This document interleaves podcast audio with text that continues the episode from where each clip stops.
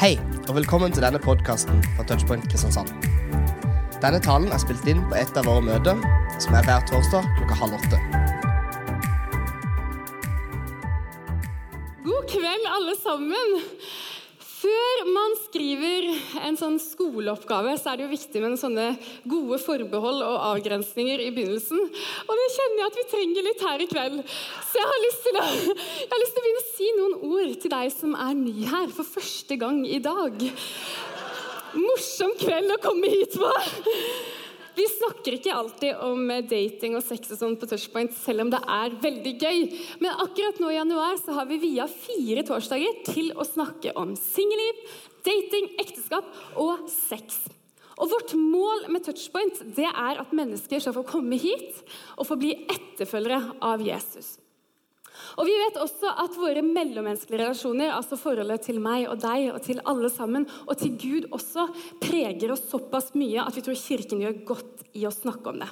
Og så tror vi at Gud som har skapt oss og vil oss det aller beste, har noe å lære oss om disse temaene også. Så velkommen hit. Len deg tilbake og slapp av. I kveld så tror jeg vi har lov til å være litt sånn fnisete. Og det kjenner jeg i hvert fall at jeg trenger at vi er. For at, vet dere hva? Jeg har grua meg til den torsdagen her så lenge. Jeg angra med en gang jeg sa ja til å snakke om det. For jeg er godt gift, jeg har barn, og jeg føler kanskje at jeg burde klart å snakke liksom noenlunde modent om sex og forholde meg modent til det. Men noen ganger det vet sikkert hvordan det er, noen ganger så føles det ut som man blir 14 år igjen. ikke sant? Og jeg har vært veldig redd for å få sånn ukontrollert gråtelatterkrampe. Hvis du skjønner hva jeg mener? Nettopp fordi at sex er et så sårbart og kleint og morsomt og interessant tema å snakke om på én gang. Og så kjenner jeg at jeg har veldig respekt for dette temaet. For det kan være ordentlig vanskelig å snakke om sex. Det tror jeg dere vet. Og her inne så tror jeg vi finner mange historier og mye følelser knytta til det temaet her. Fine historier, men også kanskje fæle, ordentlig vonde historier og masse følelser.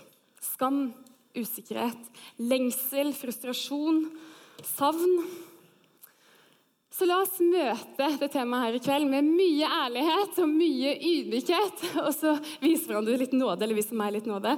Og så kan vi ta et viktig steg i retning og snakke om på en naturlig måte det som Gud har skapt som en ordentlig gave til oss, og som noe veldig bra. Og én plass å begynne, det er jo faktisk å snakke om det. For kulturen rundt oss snakker jo alltid om sex, gjør den ikke det? Det er estimert at en gjennomsnittlig voksen person eh, får bli utsatt for på en måte rett under 40 budskap om sex hver eneste dag. Og når jeg googla sex på tirsdag, så fikk jeg opp fire Ja, jeg sletta browserhistorikken min etterpå. Men da fikk jeg opp 4 milliarder 330 millioner eh, treff. Altså Vi blir utsatt for det hele tiden, også på ulike måter. Enten det er fra venner, Netflix, HBO, reklame, podkast, porno altså You name it. Det er overalt. Og så føles det ut som alle gjør det. Alle har prøvd det. Og hvis du ikke har gjort det, kjør på. Alt er lov.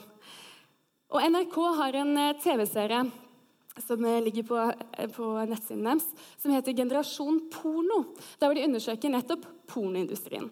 Og så står det i beskrivelsen av TV-serien Gratis sexscener for enhver smak og legning er bare ei tastetrykk unna. Hva, gjør det med oss? Ja, hva gjør det med oss? Altså Når sexen er så lett tilgjengelig på mobilen, det er overalt, og det er en såpass stor del av manges liv, tanker, bekymringer, skam og tidsbruk. Og hvordan skal vi som kristne da navigere oss gjennom alt det her og så prøve å se sex som det Gud har skapt det til å være, når ikke engang de som burde snakka med oss om det, gjør det? For Kirken snakker jo aldri om sex. Kirken snakker i hvert fall ikke så mye om sex. Kanskje forhåpentligvis gjør vi det litt mer i dag. Men kanskje også såpass mange av oss redde for å si noe feil på en måte, i 2020 at eh, Kirken heller blir en sånn taus tilskuer til alt som skjer rundt seg. Og så tror jeg Det samme gjelder i hjemmene også. Jeg vet ikke hva slags hjem dere kommer fra, men jeg kjenner meg veldig igjen i det. Og forfatterne av en bok som heter 'Kropp', som kommer ut i år, som jeg anbefaler masse å lese, Erik Andreassen og Ingeborg Hatlevik Ørjasæter, de spurte ungdommer på Skjærgårdsfestivalen i fjor sommer hva som skjedde om det kom nakenhet på TV og familien var samla. Skal dere se. Alternativene var noen bytta kanal. Noen sa 'se det, ja'. Det ble stille, og alle så rett frem. Det ble anspent latter. Og så den triste sa 'Vi så aldri på TV sammen'. Og jeg kjenner meg så igjen i den, den vinneren her, at det ble stille, og alle så rett frem. Altså, Det er det kleineste som fins. Og jeg har ikke hatt for vane å snakke med min mamma og pappa om sex. Og så kjenner jeg meg veldig igjen i det diktet her av Frode Grytten. For seint oppdager far at filmen har eksplisitte sexscener. Stille i sofaen. Han harkar, går på kjøkkenet. 'Bacalao noen?' roper han.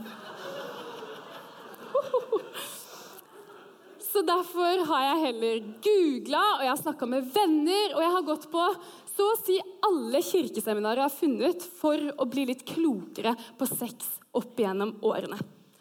Og det er kanskje det vi ender opp med å gjøre også, er det ikke det? Når verken kirke eller hjem vil snakke med oss om det. Og så ender vi opp med en lapskaus av populærkulturens syn på sex, romantiske komediers fremstilling av sex, pornoindustriens fremstilling av sex og venners tolkninger og erfaringer av sex. Og så tror jeg at vi trenger en ordentlig guide i det her.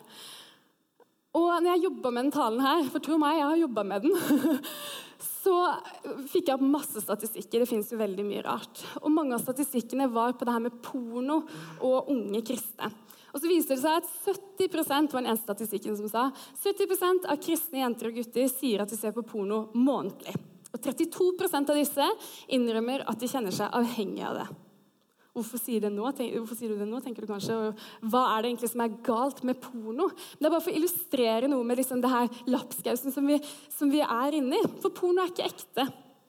Det er en industri som utnytter mennesker, som bidrar til menneskehandel, og som skaper et feilaktig bilde av sex, skaper feilaktige idealer og bidrar til undertrykking av kvinner. Så Derfor tror jeg vi som kirke og vi som kristne må bli flinke til å snakke om sex, sånn at vi kan bli kloke og ta gode valg i møte med denne noen ganger så fristende lapskausen. For det må det være lov å si at det er. Og Som kristne så tror vi at Bibelen har nøkler til hvordan vi kan leve livene våre på best mulig måte.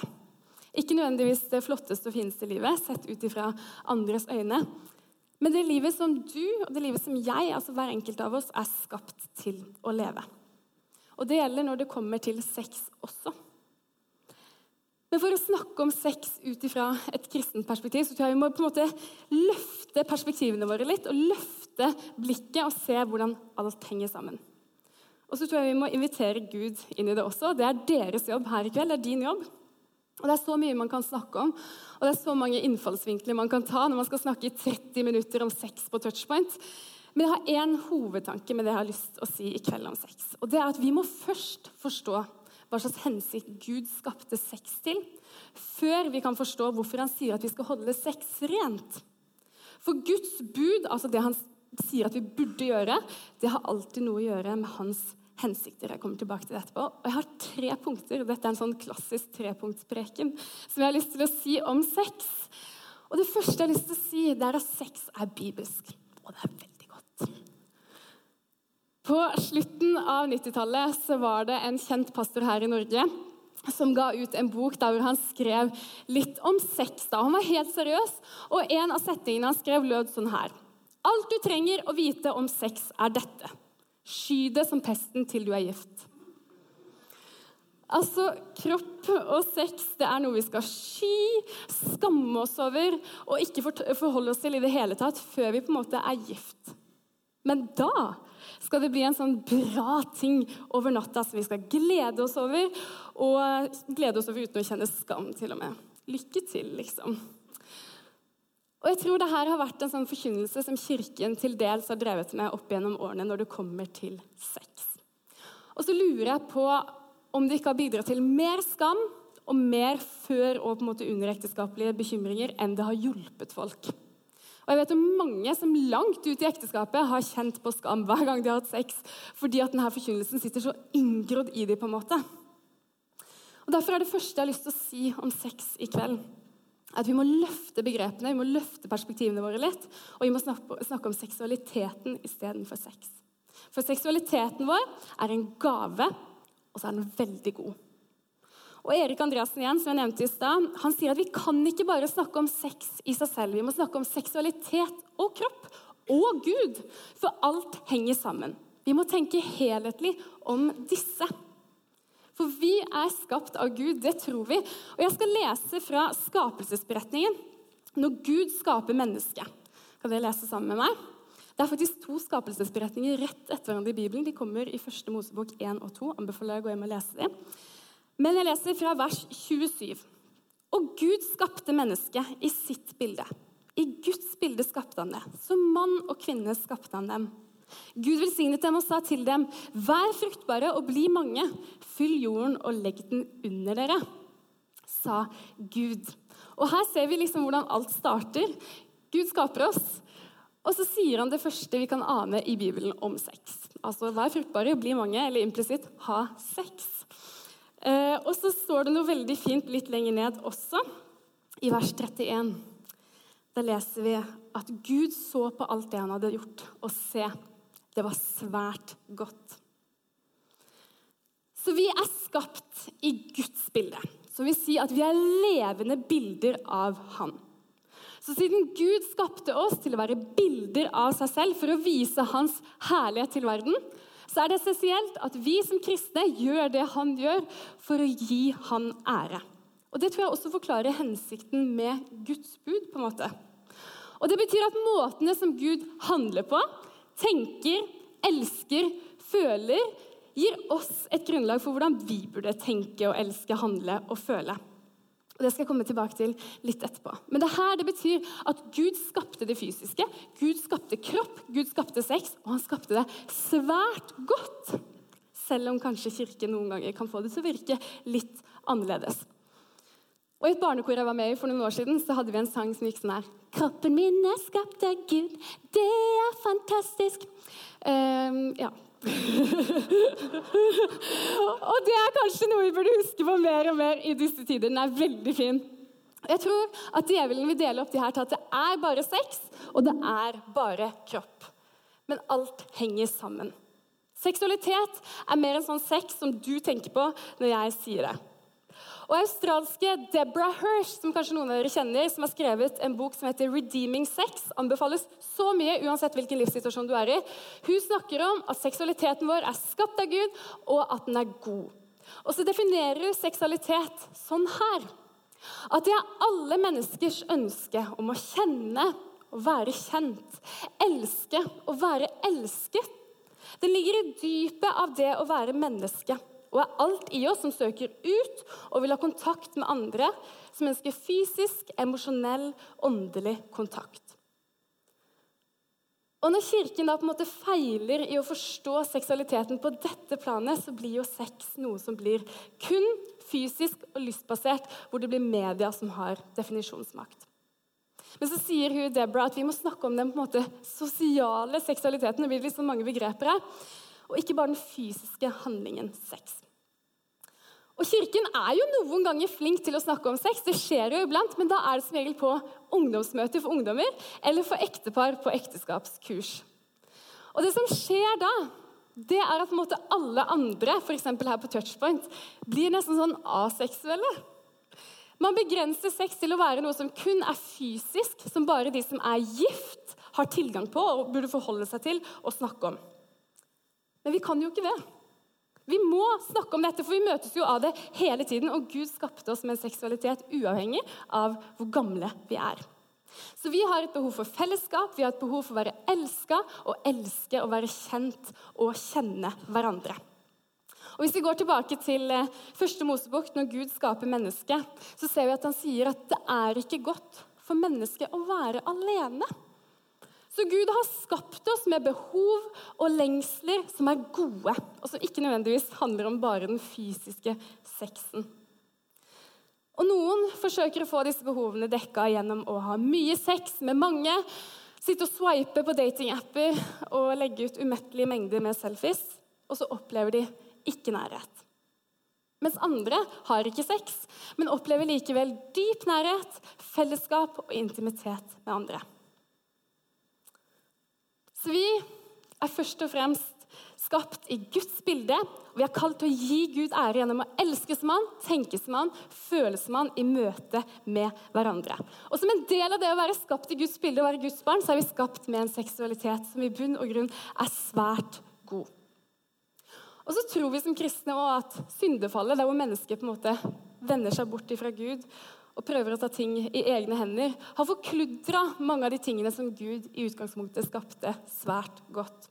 Så når populærkulturen prøver å degradere, porno, nei, degradere sex til å kun handle om porno, ikke sant? erotikk eller lyst, så mister man på en måte den gode hensikten som Gud skapte seksualiteten til. Ja til reproduksjon og til nærhet og, og fysisk kontakt, men også vår på en måte iboende lengsel etter å kjenne og være kjent, elske og være elska. Altså en fysisk og åndelig nærhet. Og det jeg har sagt nå, det viser oss at den gamle sayingen at det som berører din kropp, berører din sjel. Det stemmer ganske godt. Og det er det neste jeg har lyst til å si i kveld om sex. For sex er ikke bare fysisk. Og Hvis du er her i kveld og ikke er kristen og gjerne vil ha liksom alt av kristne folk på en armlengdes avstand, kristen moral også helst, så er du jo på en morsom plass. Men jeg vil si at jeg kommer ikke til å overbevise deg kanskje, med det her jeg har tenkt å si, men la meg i hvert fall få gi deg noen nye perspektiver til tankegangen din. jeg har lyst til å si noe om den holdningen, eller myten om du vil, som virker til å prege mye av tenkningen rundt sex i dag. Nemlig at sex bare er noe fysisk. Altså Hvis ingen blir syke, gravide eller skada, så kjør på. Alt er lov. For Når det er ferdig, så er det ferdig, og man kan bare gå videre. Det er bare noe fysisk. Men jeg tror ikke det er det. Jeg tror ikke sex bare er noe fysisk. Kulturen vår sier det jo på en måte veldig sjeldent eksplisitt, men vi ser bevis for det hele tiden. ikke sant? At eh, vonde opplevelser knytta til sex kan stikke dypere og vare lenger enn vonde opplevelser knytta til noe annet. Og Hvis du behandler sex som noe som bare er fysisk, så vil du til slutt såre deg selv. Og Hvis du tar med deg en holdning om at sex bare er fysisk inn i et forhold, så vil du potensielt også såre noen andre. Og Det har jeg lyst til å si litt om akkurat nå.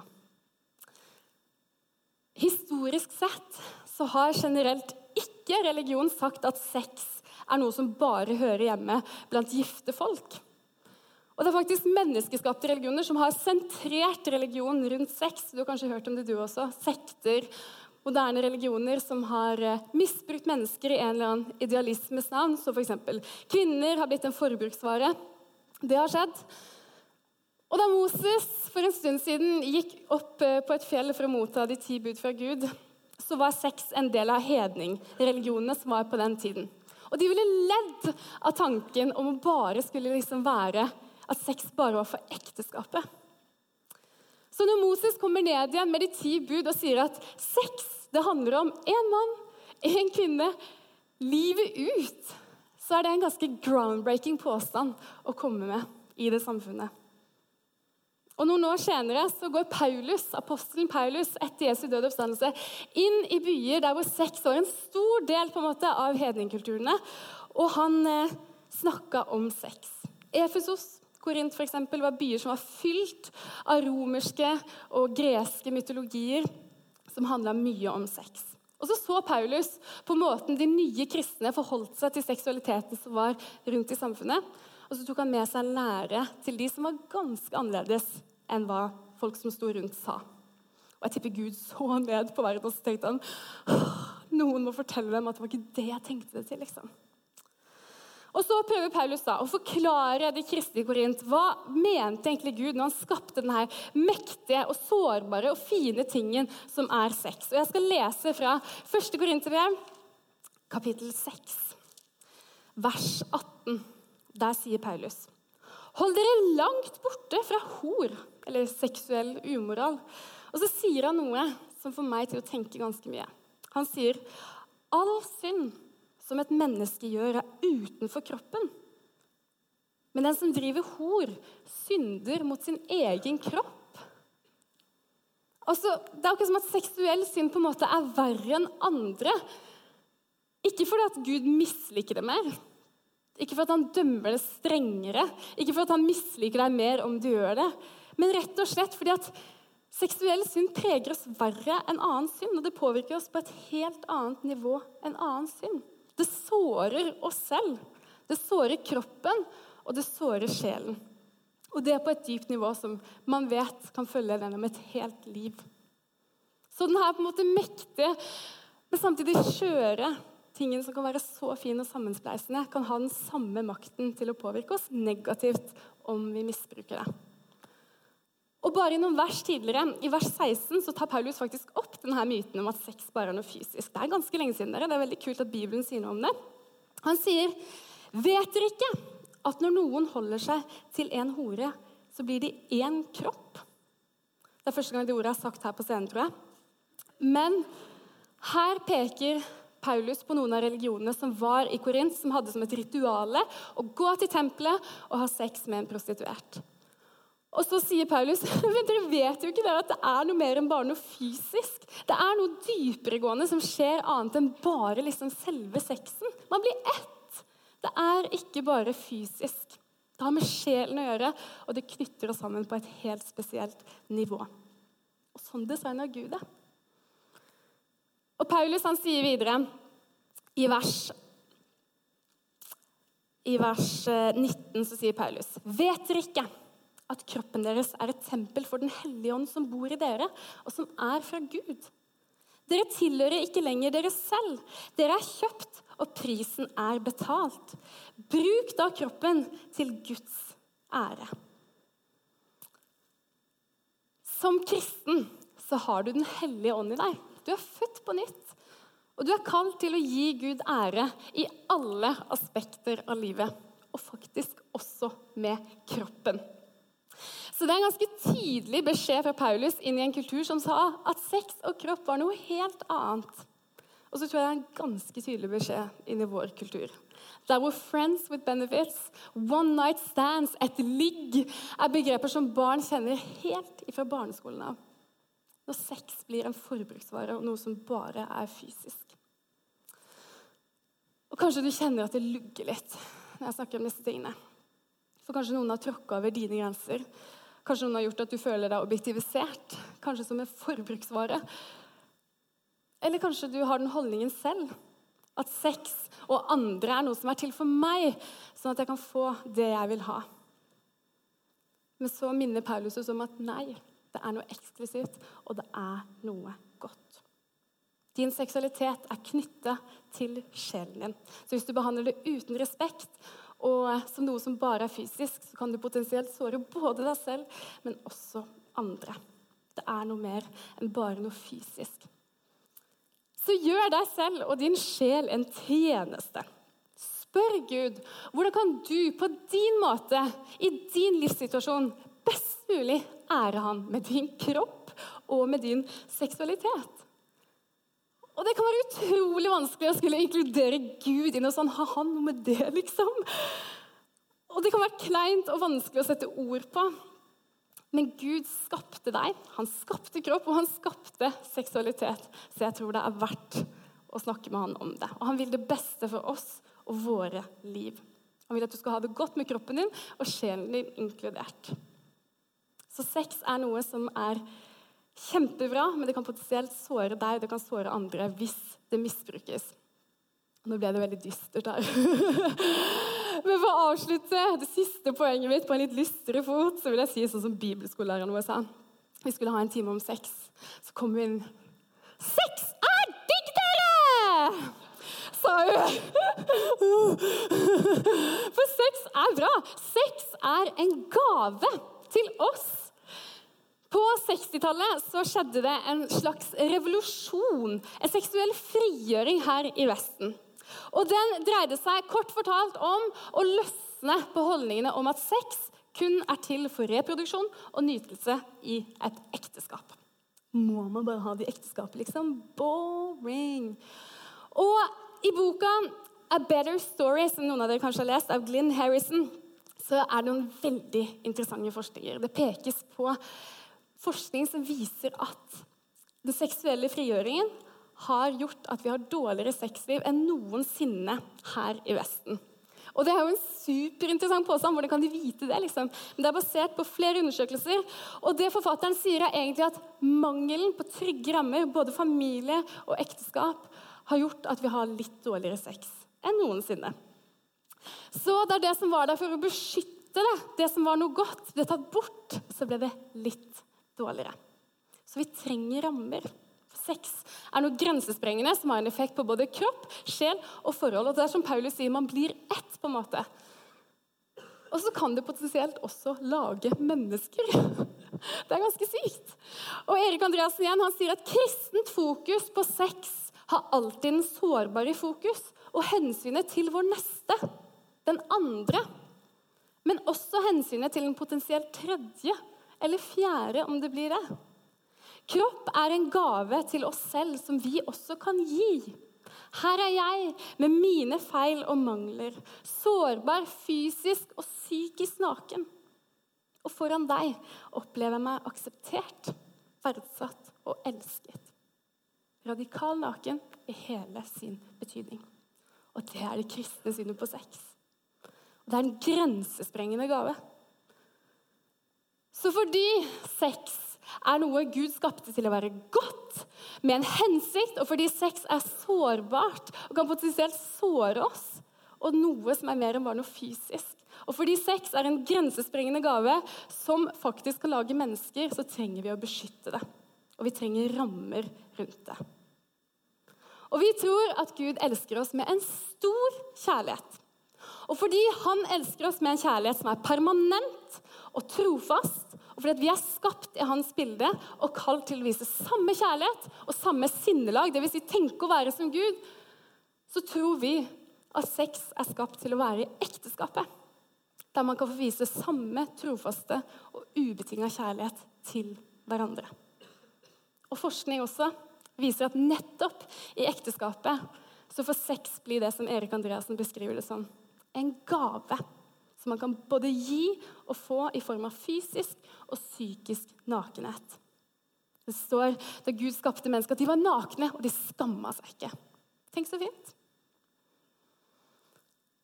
Og det her det er for veldig mange mye lettere å si enn å gjøre. Er det ikke det? Og Statistikker fra Norge viser at vi må være ærlige om at det her er vanskelig. Spesielt kanskje i kirka. Og Avisen Vårt Land gjorde en undersøkelse i 2012 som viser at majoriteten av de de spurte, kristne unge, hadde hatt sex før ekteskapet. Så vi har kanskje et ideal her, og så er virkeligheten litt annerledes. Men det er ikke ute med deg hvis du har hatt sex før ekteskapet. Og hvis du er i et forhold, snakk om det her nå. Snakk om hvordan dere på best mulig måte kan ære Gud med deres forhold og med deres kropper.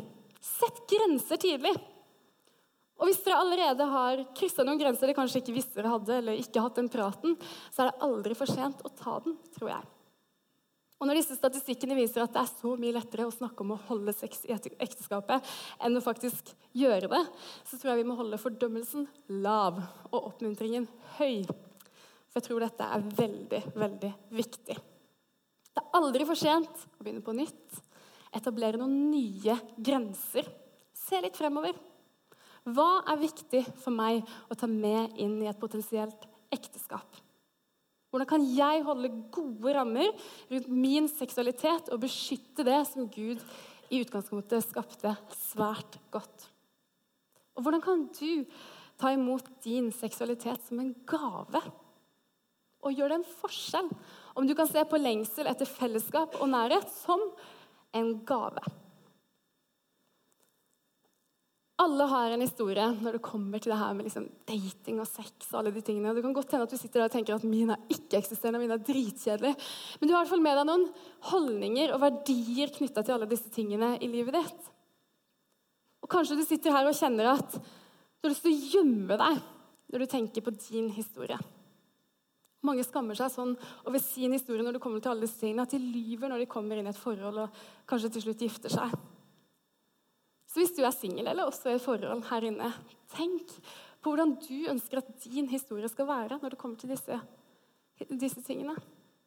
Og hva med å leve på en måte nå som gjør at du lettere kan fortelle den historien som er din, til den personen du kanskje skal dele resten av livet ditt med?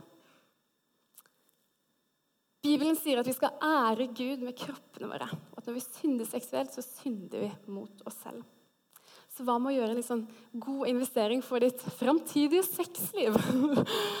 Ved å gjøre disse tingene. Sett noen grenser. Tenk litt framover. Det er din kropp. Og så vil jeg si at Hvis du sliter med noen av disse tingene som vi tar opp her på Touchpoint, spesielt kanskje i kveld, vil jeg si at du burde snakke med noen hvis du sitter og kjenner at åh, det her burde egentlig lufta med noen som kan det. Da vil jeg oppfordre deg til å snakke med noen, f.eks. City Changer, som er et sånn ordentlig fantastisk lavterskeltilbud her i Kristiansand. Det er gratis, og du får raskt hjelp, så bare noter deg navnet hvis du kjenner at du må snakke med noen om disse tingene. For jeg kjenner ikke din historie, og jeg vet ikke dine erfaringer rundt disse tingene. Men kanskje du tenker at åh, hvis jeg kommer sånn som jeg er, hvis jeg tør å dele, være sårbar, fortelle dem det, da kan jeg ikke være her. Jeg kan ikke være en del av fellesskapet. De tåler meg ikke. Men det tror jeg de gjør. Og Jesus tåler deg. Han tåler deg, hele deg. Høydene dine, de laveste dalene dine, og det du ikke engang tør å si høyt når du er alene. Og jeg har lyst til å avslutte med å lese en historie om det. Fra Lukas kapittel 7. Og Der er Jesus eh, på middag hos en fariser. Det var en sånn streng gren av jødedommen på den tiden. Og I den byen der de er på middag, så står det at det bodde en kvinne som levde et syndefullt liv. Og Det kan godt ha vært seksuell synd. Og Så hører hun at Jesus er i byen, og så tenker hun at åh, jeg må gi han en fantastisk fin salve. For Det var en fin ting man gjorde da. Og så skal jeg lese fra vers 38. Det er mye å lese, så dere kan følge meg så godt dere kan. Da leser jeg. Hun, altså kvinnen, stilte seg bak Jesus, nede ved føttene, og gråt. Så begynte hun å fukte føttene hans med tårene og tørket dem med håret sitt. Hun kysset føttene hans og smurte dem med salven. Da fariseeren som hadde innbudt ham, så det, tenkte han med seg selv. Var denne mannen en profet, ville han vite hva slags kvinne det er som rører ved ham, at hun fører et syndefullt liv. Da tok Jesus til orde. Simon, sa han til fariseeren, jeg har noe å si deg. Si det, mester, svarte han. Jesus sa, to menn hadde gjeld hos en pengeutlåner. Den ene skyldte 500 denarer, den andre 50. Men da de ikke hadde noe å betale med, etterga han dem begge gjelden.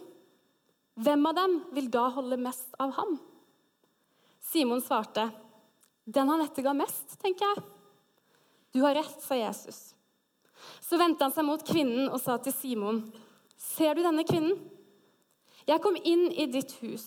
Du ga meg ikke vann til føttene mine, men hun fukta dem med tårer og tørka dem med håret sitt. Du ga meg ikke noe velkomstkyss, men helt fra jeg kom, har hun ikke holdt opp med å kysse føttene mine. Du salvet ikke hodet mitt med olje, men hun smurte føttene mine med den fineste salve. Derfor sier jeg deg, hennes mange synder er tilgitt. Derfor har hun fått vist stor kjærlighet. Men den som får lite tilgitt, elsker lite. Og så sa han til kvinnen, syndene dine er tilgitt. Da begynte de andre gjestene å spørre seg selv, hvem er han? som til og med tilgir synder. Men Jesus sa til kvinnen, 'Din tro har frelst deg. Gå i fred.'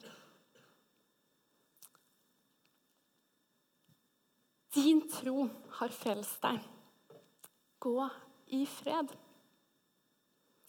Jeg tror det er en uh, hilsen til noen her inne i kveld. Jesus kan gi deg en ny han er mer opptatt av hvor du har han i livet, enn hva du har gjort av godt eller vondt i ditt liv. Og den talen her i kveld har ikke hatt som mål å være en sånn fordømmelsestale i det hele tatt, men heller å gi deg noen på en måte synspunkter på hvor viktig, hvor bra og hvor verdifull og god seksualiteten din er, og at Gud har gitt den til deg som en gave som du skal forvalte. Og det er aldri for sent med en ny start. Og I begynnelsen i dag så sa jeg at vi må først forstå hva slags, Gud, hva slags hensikt Gud skapte sex til, før vi kan forstå hvorfor han sier alle de tingene han sier om sex. For det han sier, har noe å gjøre med hva han vil oss. Ikke sant? Gud skapte seksualiteten bra. Sex er digg. Det er Guds gode gave til oss, men det er også mye mer enn bare sex. Det er seksualiteten som strekker seg forbi det fysiske og viser oss at mennesket trenger nærhet, fellesskap og elske og være elska. Så trenger vi gode rammer for å beskytte seksualiteten og holde den god. Og Jeg håper at du har fått noen ting å tenke på i kveld. Kanskje du har hørt alt før. Kanskje du er dypt uenig. Eller kanskje du har fått noe å tygge på. Men jeg tror likevel uansett at alle oss her inne trenger å komme til Gud med alt vårt. Det gode, det vonde. Få kjenne hans gode blikk på oss og hans tilgivelse når det kommer til alle aspekter i livet. Og Kirkefaderen Augustin han sier det helt nydelig. For du har skapt oss til deg, og vårt hjerte er urolig inntil det finner hvile i deg. Og Jeg vil at du skal gå herfra i kveld og tenke litt på det og vite at din tro har frelst deg.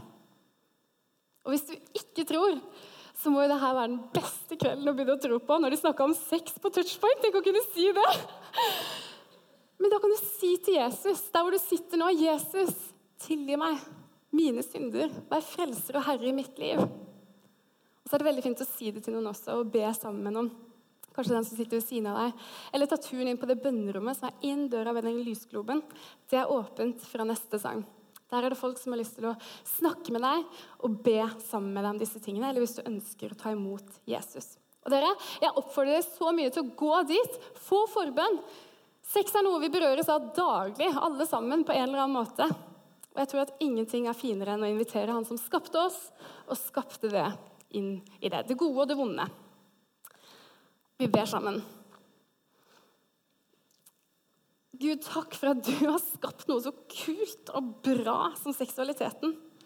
Du skapte det rent, og du skapte det godt. Og hjelp oss til å ære det.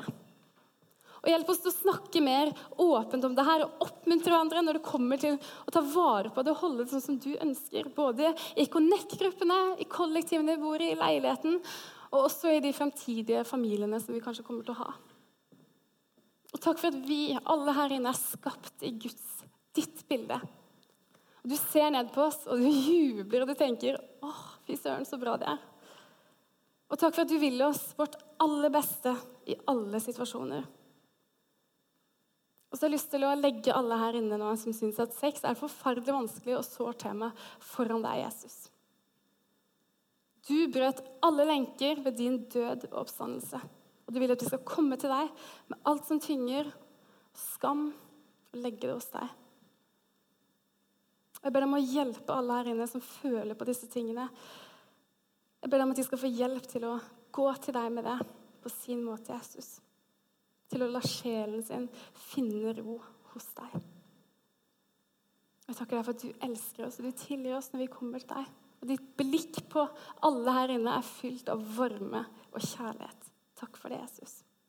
Kom nå og vær oss nær. Og så ber jeg deg om at det skal komme så mange gode forhold og samtaler ut fra hele denne relationship-taleserien. La oss få se det bare rett på Jesus. I ditt navn. Amen.